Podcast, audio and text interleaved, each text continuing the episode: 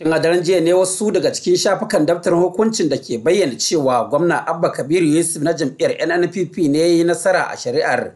Sabanin Nasir Yusuf Gawuna na jam'iyyar APC da aka sanar a zauren kotun a ranar Juma'ar da ta gabata.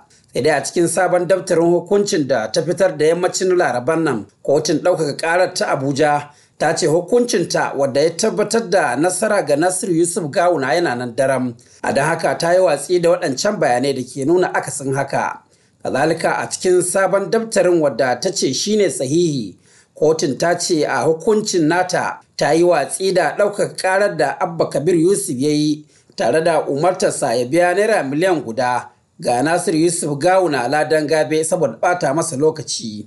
Yanzu haka dai lauyoyi da sauran masana dokokin ƙasa na ci gaba da fashin baki akan wannan batu. Abin da ya fi tasiri shine hukuncin da kotu ta karanta a ƙware kotu shine mafi a'ala akan wannan abu da ya fita daga baya. Masana wanda suka tsara shari'a ta kasance sun yi tunanin wannan tun a can ma. Ma'ana an yarje ma abin da za a iya cewa shine wannan kamar kuskure ne. na ainihin mai buga kunci kenan. To amma kuma abin takaici ne a ɓangaren shari'a a ce bata iya tsayawa sun tsefe ba duba da yadda hukuncin yake ɗaukan hankalin al'umma. Barista Garba Abubakar kenan wani lauya mai zaman kansa a jihar Jigawa.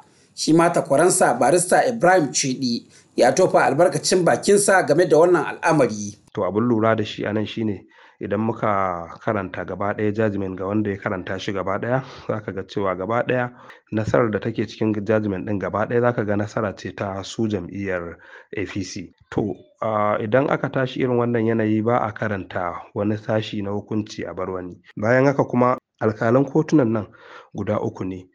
Dukkaninsu sun yi nasu safarat hukunce-hukuncen ko kuma mu ce contribution na judgment inda suka tabbatar da korar wannan afil din na jam'iyyar nnpp to a tsari na doka ba za a ce an kora afil din mutum kuma an zo an bashi nasara ba. A nan abin duba la'akari da shi a nan shine jam'iyyar nnpp ya kamata ta garzaya ta yi afil duk da wannan abu da ya fito.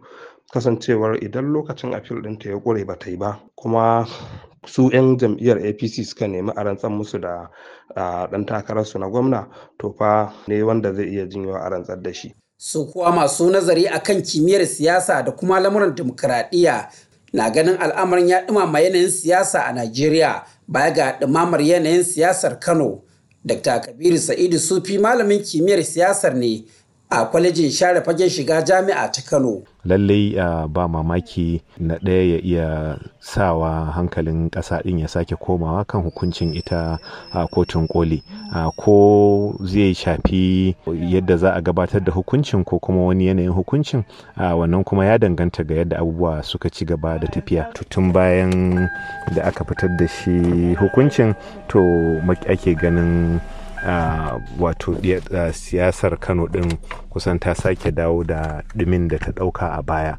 Yanzu dai abin jira a gani shine yadda za ta kaya a zauren kotun koli ta najeriya dangane da wannan dambarwa ta zaɓen gwamnan kano mahmud ibrahim kwali muryar amurka daga kano nigeria.